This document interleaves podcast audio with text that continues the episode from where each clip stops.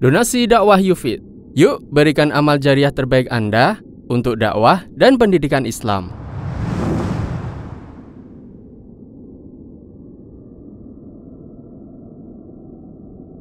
Bismillahirrahmanirrahim. Assalamualaikum warahmatullahi wabarakatuh. Alhamdulillah wa kafa والصلاة والسلام على رسوله المصطفى وعلى آله وصحبه ومن اكتفى أما بعد Kita panjatkan puja dan syukur kehadirat Allah Tabaraka wa Ta'ala Pada kesempatan malam yang berbahagia kali ini Kita masih kembali diberi kekuatan, kesehatan, hidayah serta taufik dari Allah Jalla wa Ala Sehingga kita bisa kembali menghadiri pengajian rutin untuk membahas adab dan akhlak di dalam Islam di Masjid Jenderal Sudirman Purwokerto ini. Kita berharap semoga Allah Subhanahu wa taala berkenan untuk melimpahkan kepada kita semuanya ilmu yang bermanfaat sehingga bisa kita amalkan sebagai bekal untuk menghadap kepada Allah Jalla wa. Amin. Salam dan salam semoga senantiasa tercurahkan kepada junjungan kita Nabi besar Muhammad sallallahu alaihi wasallam pada keluarganya, sahabatnya dan umatnya yang setia mengikuti tuntunannya hingga akhir nanti. Para hadirin dan hadirat sekalian, yang semoga senantiasa dirahmati oleh Allah Azza wa Jal dan juga para pendengar Radio Fika Insani 88.8 FM Purwokerto, Purbalingga, Banyumas, Cilacap, Wonosobo, Kebumen dan sekitarnya dan juga para pemirsa Surau TV dan Yufi TV yang semoga senantiasa dirahmati oleh Allah Azza wa Jalla. Alhamdulillah pada malam hari ini tanggal 13 Rabiul Awal 1439 Hijriah atau yang bertepatan dengan 1 Desember 2017 kita masih bisa melanjutkan kembali pembacaan dari hadis-hadis yang dipaparkan oleh Imam Ibn Hajar Al-Asqalani dalam kitab beliau Bulughul Maram Kitabul Jami' Dan kita masih bersama dengan hadis nomor 17 yaitu hadis yang berbunyi an Abi Hurairah radhiyallahu anhu qal dari seorang sahabat Nabi SAW Abu Hurairah. Semoga Allah meridai beliau. Qala Rasulullah SAW Rasulullah SAW bersabda man ahabba an yubsata alaihi fi rizqihi Barang siapa yang ingin diluaskan rizkinya. Wa an yunsa'alahu fi atharihi. Dan diundurkan ajalnya. Fal yasil rahimahu. Hendaklah dia bersilaturahim. Akhrajahul al akhrajahul bukhari. Hadis ini diriwayatkan oleh Imam Al-Bukhari. Pada beberapa pertemuan yang lalu kita telah sampai kepada wa an yubsata alaihi fi rizkihi. Barang siapa ingin diluaskan rizkinya. Ini pembahasan terakhir kita. Saat itu kita sudah membahas apa maksud diluaskan. Kemudian kita juga sudah bahas rizki itu apa. Hari ini kita akan membahas potongan hadis yang berbunyi wa an yun sa'alahu fi atharihi. Barang siapa ingin diundurkan ajalnya.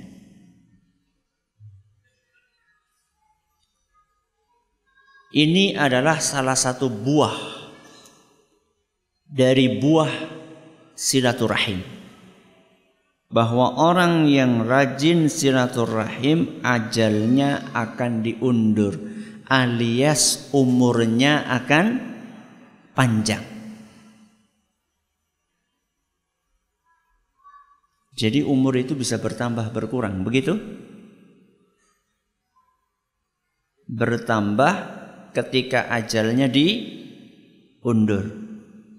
Berkurang ketika ajalnya diajukan. Begitu?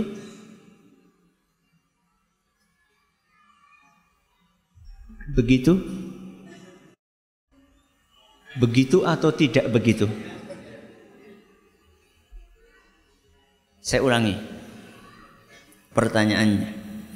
Benarkah umur bisa diajukan dan diundurkan alias bisa bertambah dan berkurang? Iya atau tidak? Tidak. Iya. Yang benar yang mana? Iya atau tidak? Tidak. Ajal nggak bisa diundur, nggak bisa diajukan. Tapi tadi hadisnya bunyinya diundur ajalnya. Yang benar yang mana? Bisa diundur apa tidak bisa diundur? Mayoritas ulama Jumhur ulama Mayoritas ulama Kebanyakan ulama mereka mengatakan bahwa umur manusia itu bisa bertambah dan bisa berkurang. Saya ulangi. Mayoritas ulama mengatakan bahwa umur manusia itu bisa bertambah dan bisa berkurang. Atau dengan kata lain, ajal itu bisa ditam, bisa diundur dan bisa diajukan. Ini mayoritas ulama. Dan ketika kita mendengar kata mayoritas, berarti pendapat ini bukan pendapat yang ringan. Bukan pendapat biasa. Karena pendapat ini dianut oleh mayoritas. Dan mayoritas ini tidak mungkin berpendapat ulama ya, saya ngomong ulama. Ya, beda dengan mayoritas manusia. Beda antara mayoritas manusia dengan mayoritas ulama. Kalau mayoritas manusia bukan jaminan. Sekarang saya tanya, mayoritas manusia di kampungnya jenengan, sholatnya di masjid apa di rumah? Apa orang sholat?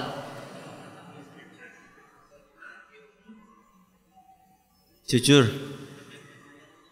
Mayoritas di rumah. Ya. Lihat aja masjid, penuh apa kosong? Kosong. Ini kan mayoritas manusia. Sekarang kita bukan bahas mayoritas manusia, tapi mayoritas ulama. Dan tentunya ketika ulama dan mayoritas ulama berpendapat seperti itu, itu pasti mereka punya dalil.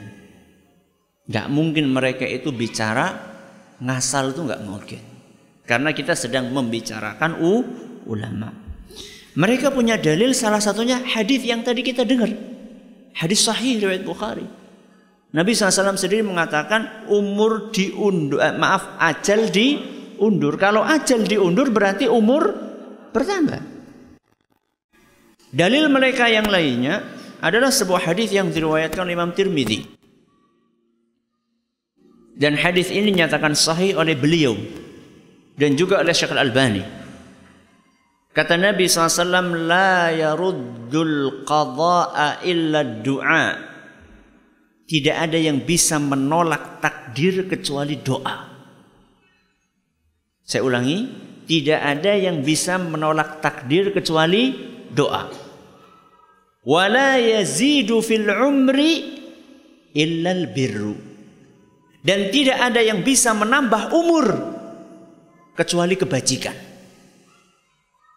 Perhatikan baik-baik, tidak ada yang bisa menambah umur kecuali kebajikan. Berarti kebajikan bisa menambah umur.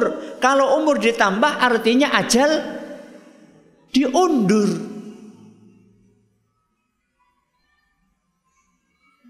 Ustaz, bagaimana dengan ayat yang menyebutkan bahwa kalau ajal seseorang sudah datang nggak bisa diundur nggak bisa diajukan. Ada nggak ayat bunyinya seperti itu? Ada? Surat apa? Semuanya tahu pernah dengar Ustaz, cuman suratnya ya sekarang saya kasih tahu. Suratnya adalah Al-A'raf. Surat apa? Al-A'raf. Ayat 34. Ayat benten 34. Dalam surat Al-A'raf ayat 34 Allah Subhanahu wa taala berfirman likulli ummatin ajal. Setiap umat, setiap manusia sudah ditentukan ajalnya. Waktu kematiannya sudah ditentukan. Fa idza jaa ajaluhum la yastakhiruna sa'atan wa la yastaqdimun. Kalau waktu kematiannya sudah datang maka tidak bisa diundur dan tidak bisa diajukan. Ayat tadi mengatakan ajal tidak bisa diundur, tidak bisa diajukan. Sedangkan hadis yang kita dengar menyebutkan bahwa ajal bisa diundur. Sing benar sing endi? Dua-duanya benar? Masya Allah. Sebelum kita terangkan kok bisa dua-duanya benar, saya akan bacakan ayat lain yang senada dengan ayat yang tadi kita dengarkan. Kalau tadi surat Al-A'raf ayat berapa? 34. Senada dengan ayat tadi, ayat lain dalam surat Al-Munafiqun. Surat apa? Al-Munafiqun. Ayat 10 sampai 11. Ayat 10 sampai 11. Allah Azza wa Jalla berfirman, "Wa anfiqu mimma razaqnakum min qabli an ya'tiya ahadakumul maut." Berinfaklah. Berinfaklah dari rizki yang kami berikan kepada kalian sebelum datang kematian. Berarti kapan infaknya? Kapan infaknya? Sekarang. Kenapa? Kalau nanti mbok mati duluan. Siki usat di orang anak. Infaklah kalian sebelum datangnya kematian. Kenapa? Fayaqula rabbi laula akhartani ila ajalin qarib. Karena kalau sudah datang kematian, dia akan berkata, wahai Rabbi, undurkan ajalku sebentar. Undurkan ajalku sebentar. Jadi cuma minta berapa? Sebentar. Buat apa? Macul maning? Dagang maning? Bukan. Fa as-saddaqa wa akum minas salihin.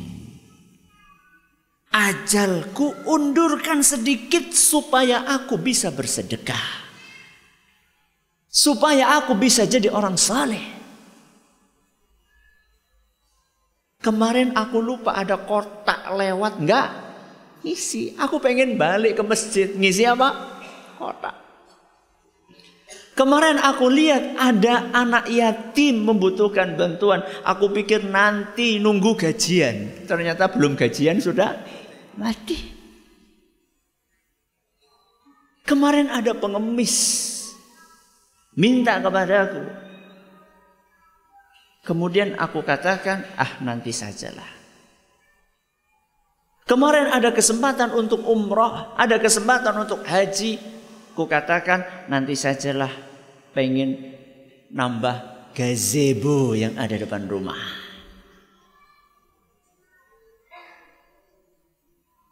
Ketika ucapan itu diucapkan oleh orang-orang yang suka mengundur-mundur sedekah. Apa jawaban Allah? Ayat 11. Tadi ayat berapa? 10. Walai yuakhirallahu nafsan idza jaa ajaluha. Saat datang ajal seorang manusia tidak akan pernah Allah undurkan. Apa yang tidak akan diundurkan? Ajal. Dua ayat tadi menyebutkan ajal manusia tidak bisa diundur. Dua hadis yang tadi kita baca menyebutkan ajal manusia bisa diundur. Sing bener ayate apa hadise? Kalau orang pendek berpikirnya, minim pengetahuan agamanya, dia akan katakan hadis ditolak. Sing bener apa? Ayat.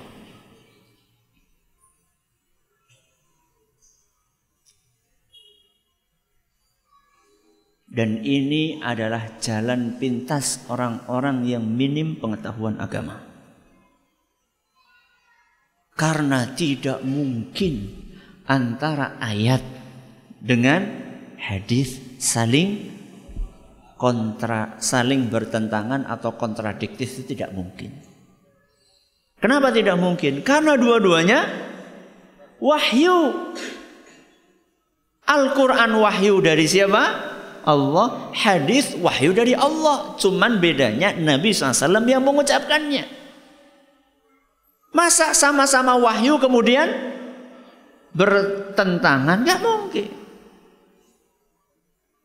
Berarti kalau ada hadis atau ayat, ada ayat atau hadis, atau ada ayat dengan ayat, atau ada hadis dengan ayat, atau ada hadis dengan hadis yang kelihatannya bertentangan, kita yang harus berusaha untuk memperbaiki pola pikir dan pemahaman kita. Karena para ulama kita telah menjelaskan bahwa antara ayat yang tadi kita dengar dengan hadis yang tadi kita dengar juga tidak ada kontradiktif. Tidak ada pertentangan. Bagaimana mereka memadukan antara ayat dan hadis tadi? Satu. Yang pertama, mereka katakan maksud dari diundurnya ajal maksud dari umur yang panjang itu maksudnya adalah keberkahan apa keberkahan umure dawa maksudnya umure berkah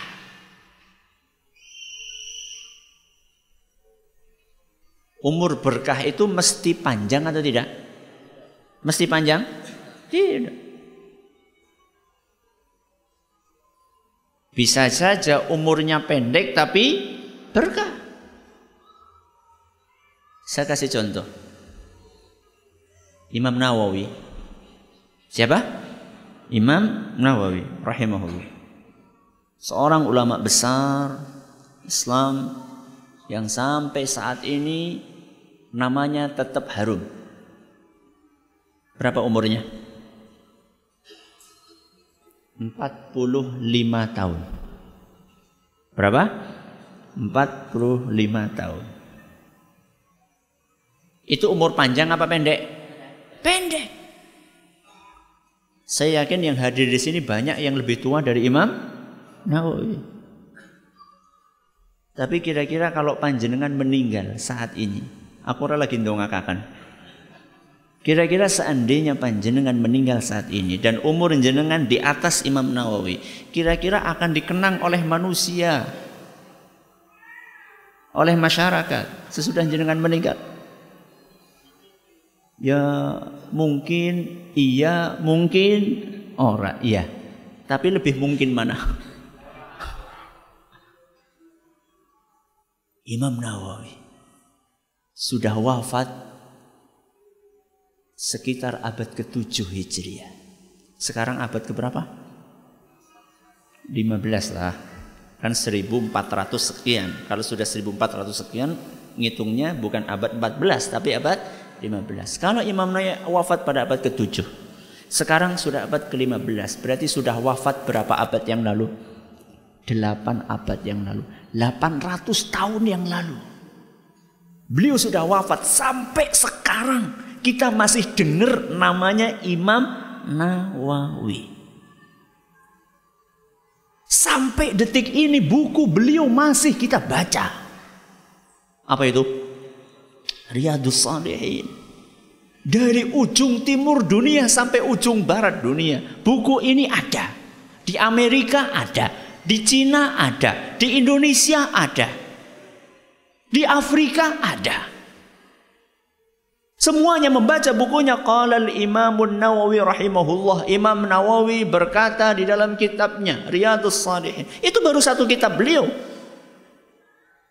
Beliau punya kitab fikih namanya Al-Majmu'. Tebelnya segini.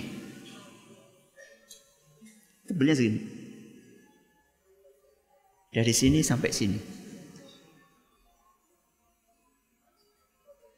Bacanya gimana? Ya dibaca. Satu-satu bacanya. Di rumah ada buku beliau Imam Nawawi, segini tebalnya. Buku fikih.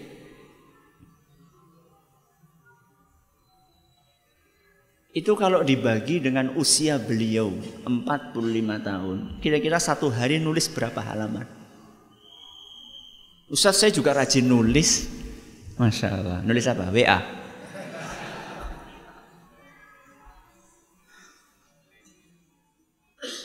Subhanallah. Makanya sebagian penyair mengatakan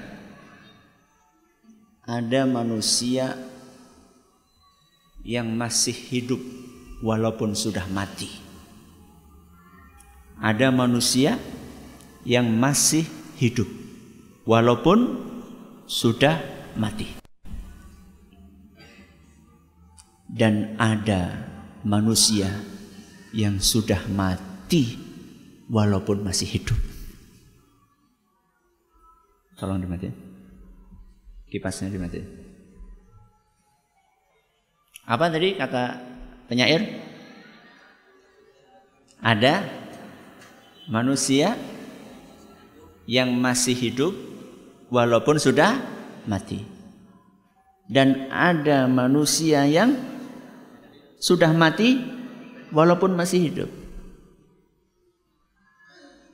Redaksi Arabnya kira-kira seperti ini. Minan nasi maitun wahya hayyun bidzikrihi. Ada sebagian orang mati fisiknya akan tetapi dia masih hidup namanya. Wahayyun salimun wahwa fin nasi maitun. Dan ada sebagian manusia fisiknya sehat masih hidup tapi dia mati namanya di antara masyarakat yang ada di sekelilingnya.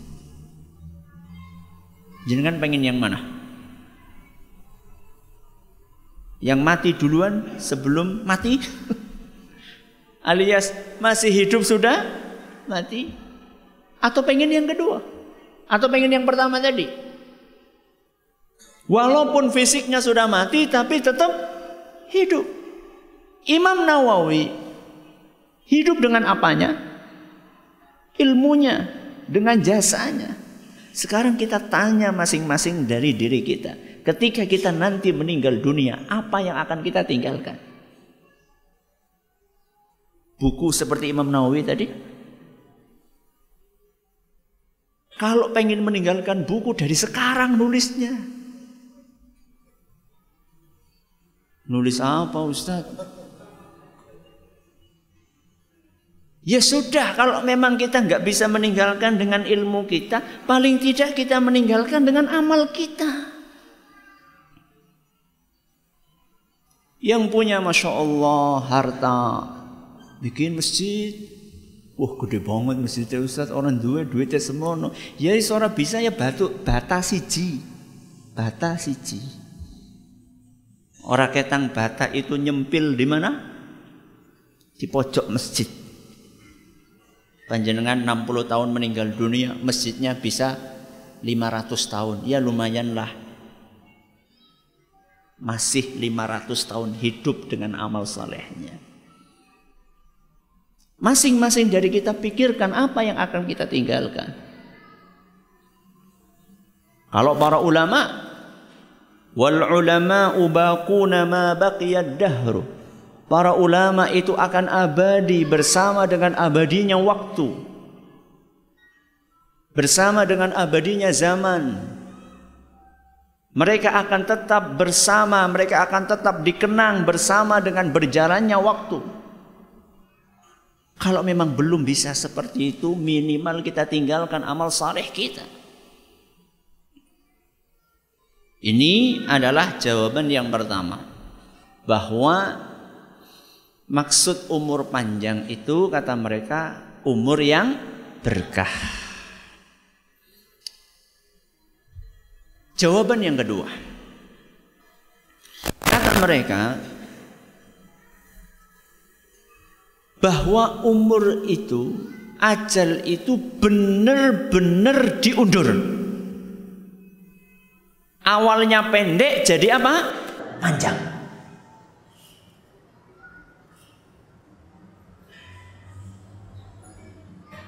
Kalau yang tadi kan kiasan, ya umurnya pendek cuman berkah sehingga seakan-akan pan panjang. Apa pendapat yang kedua mengatakan bahwa umur seseorang itu betul-betul bisa dipanjangkan. Real 60 jadi berapa? 70. 70 jadi 80, 80 jadi 90 90 jadi 100 bertambah real umurnya. Bukan sekedar berkah saja. Itu yang bertambah yang di mana Ustaz? Pertama saya perlu jelaskan bahwa Allah itu menulis takdir kita termasuk umur kita di sebuah kitab namanya Lauhul Lauhul Mahfud. Dari Lauhul Mahfud ini diturunkan oleh Allah sebagiannya kepada para malaikat. Kepada siapa? Para malaikat. Jadi malaikat itu punya catatan. Isi catatan itu adalah tentang umurnya seseorang, rizkinya seseorang. Kan? Si fulan. Siapa yang mau dikasih? Sampel buat nama? Lah, bok ngepasi. si fulan gitu aja. Si si fulan. Si anu kalau seandainya si Anu ini rajin silaturahim umurnya 100 tahun. Dan seandainya si fulan ini males silaturahim umurnya jaluk pira 40 tahun. Allah sampaikan itu kepada siapa? Malaikat. Maka ditulislah oleh malaikat si fulan ini kalau rajin silaturahim umurnya 100 tahun. Dan seandainya si fulan ini malas silaturahim umurnya 40 tahun. Ditulis seperti itu sama malaikat di catatan dia. Malaikat nggak tahu si fulan ini bakalan berapa umurnya. Karena dia cuma dikasih tahu sama Allah bahwa si fulan ini kalau kayak gini sekian, kalau kayak gini sekian. Tapi Allah tidak katakan sebenarnya si fulan ini bakalan berapa, nggak dikatakan sama Allah. Paham sampai di sini? Paham? Paham. Sedangkan yang ada di Lauhul Mahfud sudah ditentukan. Si fulan ini bakalan 40 atau bakalan 100. Dan yang sudah paten di Lauhul Mahfud yang tahu cuma Allah. Sampai di sini bisa dipahami? Bisa dipahami. Alhamdulillah. Berarti yang berubah yang di mana? Yang di catatannya malaikat. Manusia tahu nggak? Ya nggak tahu lah, jangankan manusia, malaikat aja nggak tahu. Ya. Terus bagaimana seharusnya kita bersikap? Seharusnya kita bersikap perbanyaklah silaturahim. Jadi kan sebenarnya pengen umurnya panjang apa pendek loh? Mesem mesem apa gitu? apa pendek? Pengen yang mana? Panjang apa pendek? Apa? Panjang. Panjang sholat apa panjang orang sholat? panjang berkah gitu ya. Panjang berkah. Karena ada sebagian orang panjang umurnya itu membuat orang lain itu senep. Ki wong jeneng ora mati-mati. Ada manusia seperti itu? Oh. Jadi ketika ada kabar, eh, anak lelayu, anak lelayu, ada kabar duka cita. Siapa? Anu, alhamdulillah. Eh jeneng mati, alhamdulillah seneng bangetnya. Saben dina ganggu dengan suara knalpot apanya? Bobokan.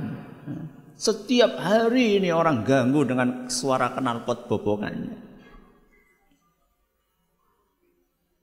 Jangan-jangan ada yang bawa motor ke sini knalpotnya bobok. Saya lagi nggak mendoakan Ben cepat mati.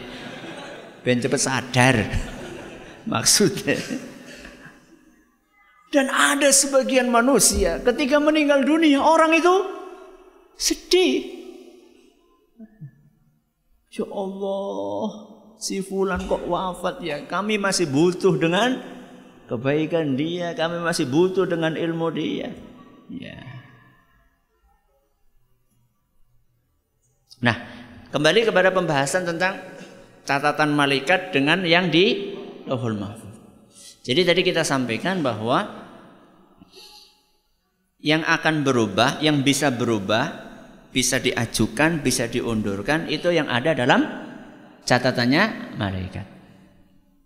Sedangkan yang tidak bisa diubah-ubah, yang sudah paten, itu yang ada dalam lahul mahfud.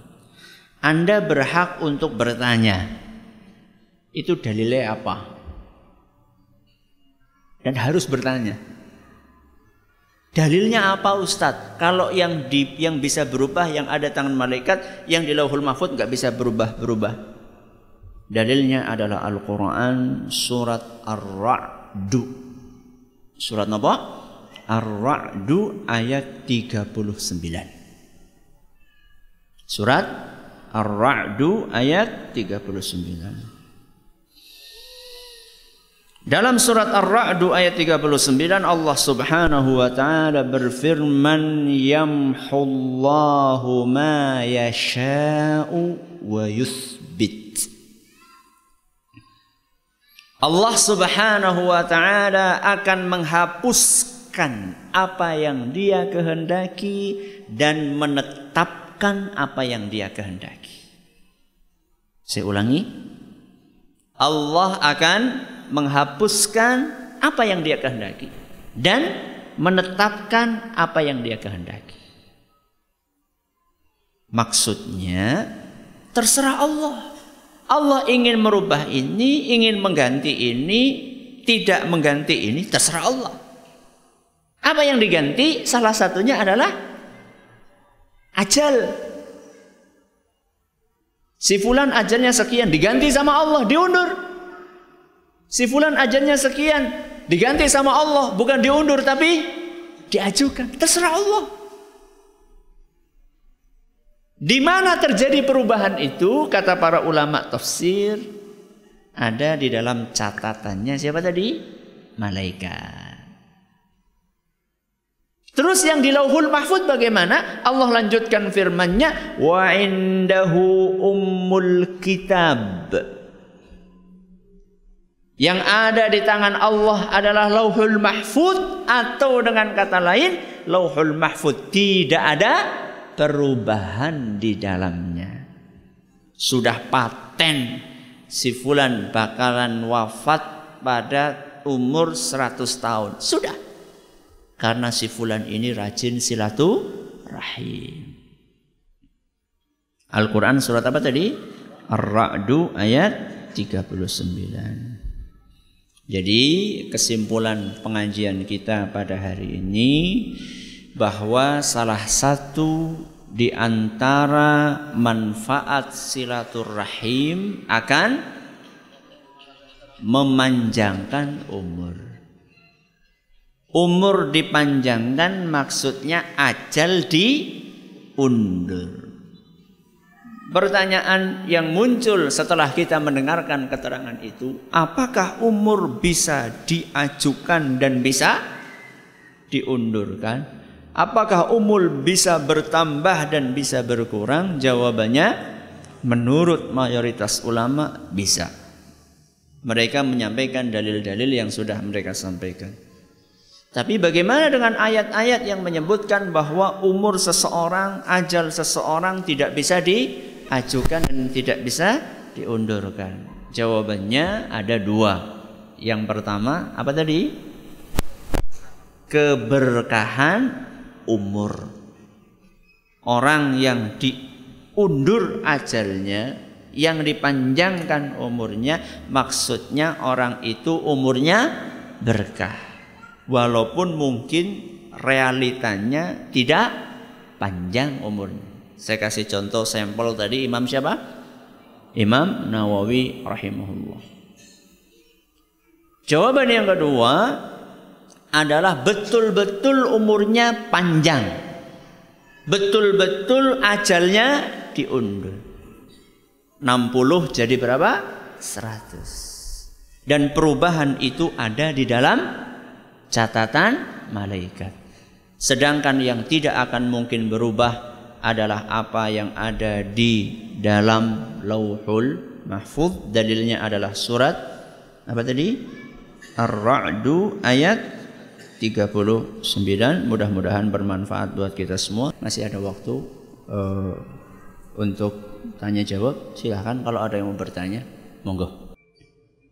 Terima kasih atas uh, pertanyaannya. Yang pertama Penanya menyampaikan bahwa bekerja merawat orang-orang sakit.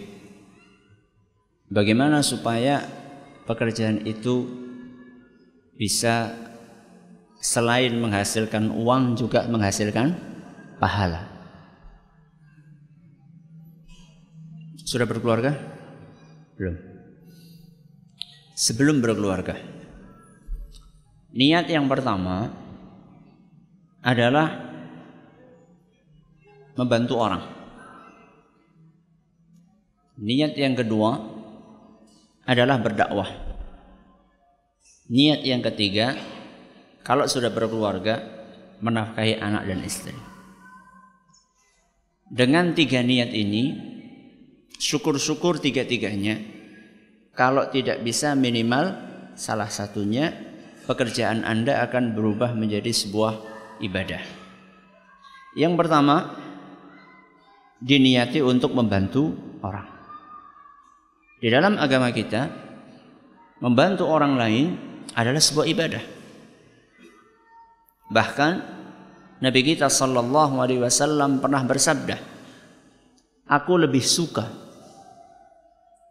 membantu orang lain menyelesaikan urusannya daripada i'tikaf sebulan di masjidku. Masjid apa? Nabawi. Dan sholat di masjid Nabawi pahalanya seribu kali sholat dibandingkan masjid Jensut. Dan masjid yang lain. Jadi jenengan sholat di masjid Nabawi sekali itu seperti jenengan seribu kali sholat di sini. Kata Rasul SAW, aku lebih suka membantu orang lain menyelesaikan urusannya sampai tuntas dibanding i'tikaf satu bulan di Masjid Nabawi. Dan bukan berarti setelah mendengar ini besok nggak perlu iktikaf. Sudah tidak iktikaf nggak bantu lagi. Kan repot. Tapi ini menggambarkan bobot amal membantu. Bahwa membantu orang lain itu bobot amalnya tinggi. Makanya Nabi SAW menyukainya. Dan keterangan para ulama yang lain ketika mereka mensyarah, menjabarkan hadis tadi, bahwa amalan yang bisa dirasakan manfaatnya oleh orang banyak itu pahalanya besar. Ya. Bahkan bisa lebih besar dibandingkan amalan yang dirasakan efeknya oleh diri sendiri. I'tikaf itu kan sunnah. Ya. Dan manfaatnya dirasakan oleh diri sendiri. Sedangkan berbuat baik kepada orang lain itu di, bisa dirasakan oleh orang banyak. Kecuali amalan itu yang wajib-wajib. Sholat berjamaah. Jadi jangan sampai setelah ini ada orang mengatakan kok nggak sholat jamaah? Kok nggak sholat subuh? Kan manfaatnya buat saya sendiri. Terus nanti ngapain? Ini bantuin bawain orang sayuran itu kan manfaatnya buat orang banyak. Kalau yang wajib nggak wajib harus di, dilakukan. Yang pertama niat membantu orang lain yang kedua, niat dakwah. Pasien orang sakit itu sering lebih mendengarkan nasihatnya dokter daripada nasihatnya ustadz. Temenan. Ya. Pasien orang yang sedang sakit lebih sering mendengarkan nasihatnya dokter daripada nasihatnya ustadz. Padahal isinya sama, sholat, kon, sholat. Tapi nek sing ngomong dokter, bu jenengan pengen mantu, pengen pak dokter, sholat. Nek ora sholat, ora mari, sholat gue temenan. Nek ustadz sing ngomong, bu sholat ya, nggih mangke pak ustadz.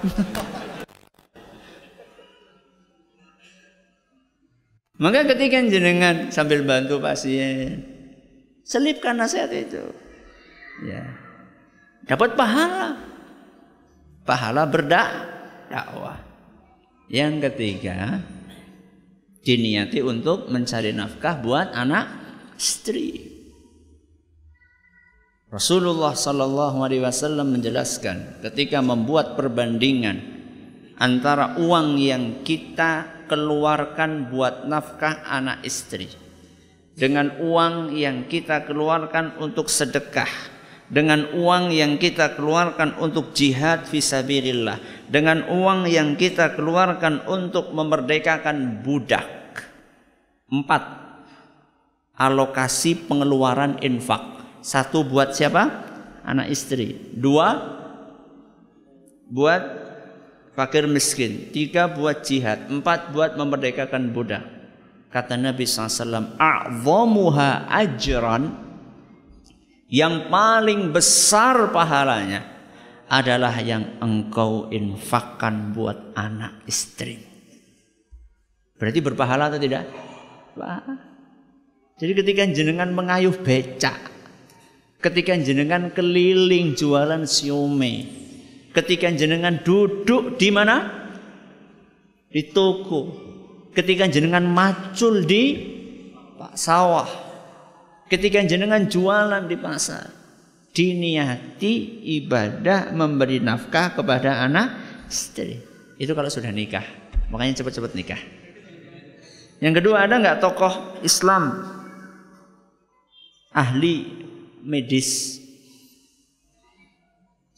uh, secara spesifik yang mendalami menggeluti medis dalam pengertian medis barat. Saya nggak ingat saat ini. Tapi kalau tibun nabawi ya tibun nabawi itu adalah medis sesuai dengan apa yang dicontohkan oleh nabi. Seperti misalnya dengan madu, kemudian dengan bekam, kemudian yang semisalnya habatus sauda. Kalau yang dimaksud itu salah satunya Imam Ibnul Qayyim. Imam Ibnul Qayyim. Bahkan beliau punya buku khusus tebelnya segini. Dikasih judul At-Tibbun Nabawi atau Ada Wadawa. Kira-kira seperti itulah judulnya. Ya. Obat eh penyakit dan obatnya. Di dalamnya kecanggihan beliau bukan hanya berbicara tentang obat fisik, tapi beliau berbicara juga tentang obat psikis. Bukan hanya berbicara tentang pengobatan penyakit jasmani, tapi beliau juga berbicara pengobatan penyakit rohani. Dan itu yang sering timpang di dunia kedokteran saat ini. Jadi cuma minum obat, minum obat, minum obat, tapi nggak diajarin supaya minta kepada Allah yang menyembuhkan adalah Allah. Kalau Imam Ibnu Qayyim pendekatannya nggak seperti itu. Makanya beliau selain dikenal ahli tibun nabawi, beliau juga dikenal dengan dok hati. Kalau beliau sudah bicara tentang masalah-masalah manajemen kolbu, itu luar biasa maka saya anjurkan untuk banyak-banyak menelaah bukunya Imam Ibnul Qayyim. Ustaz, adakah selain ajal yang bisa dirubah dalam catatan malaikat? Ada. Rizki. Ya. Seorang rizkinya bisa bertambah, bisa berkurang. Dengan salah satunya silaturahim. Wallahu taala a'la wa alam. Terima kasih atas perhatiannya, atas segala kurangnya. Kita tutup dengan membaca subhanakallahumma bihamdika asyhadu an la ilaha illa anta astaghfiruka wa atubu ilaik. Assalamualaikum warahmatullahi wabarakatuh. Donasi dakwah Yufid. Yuk berikan amal jariah terbaik Anda untuk dakwah dan pendidikan Islam.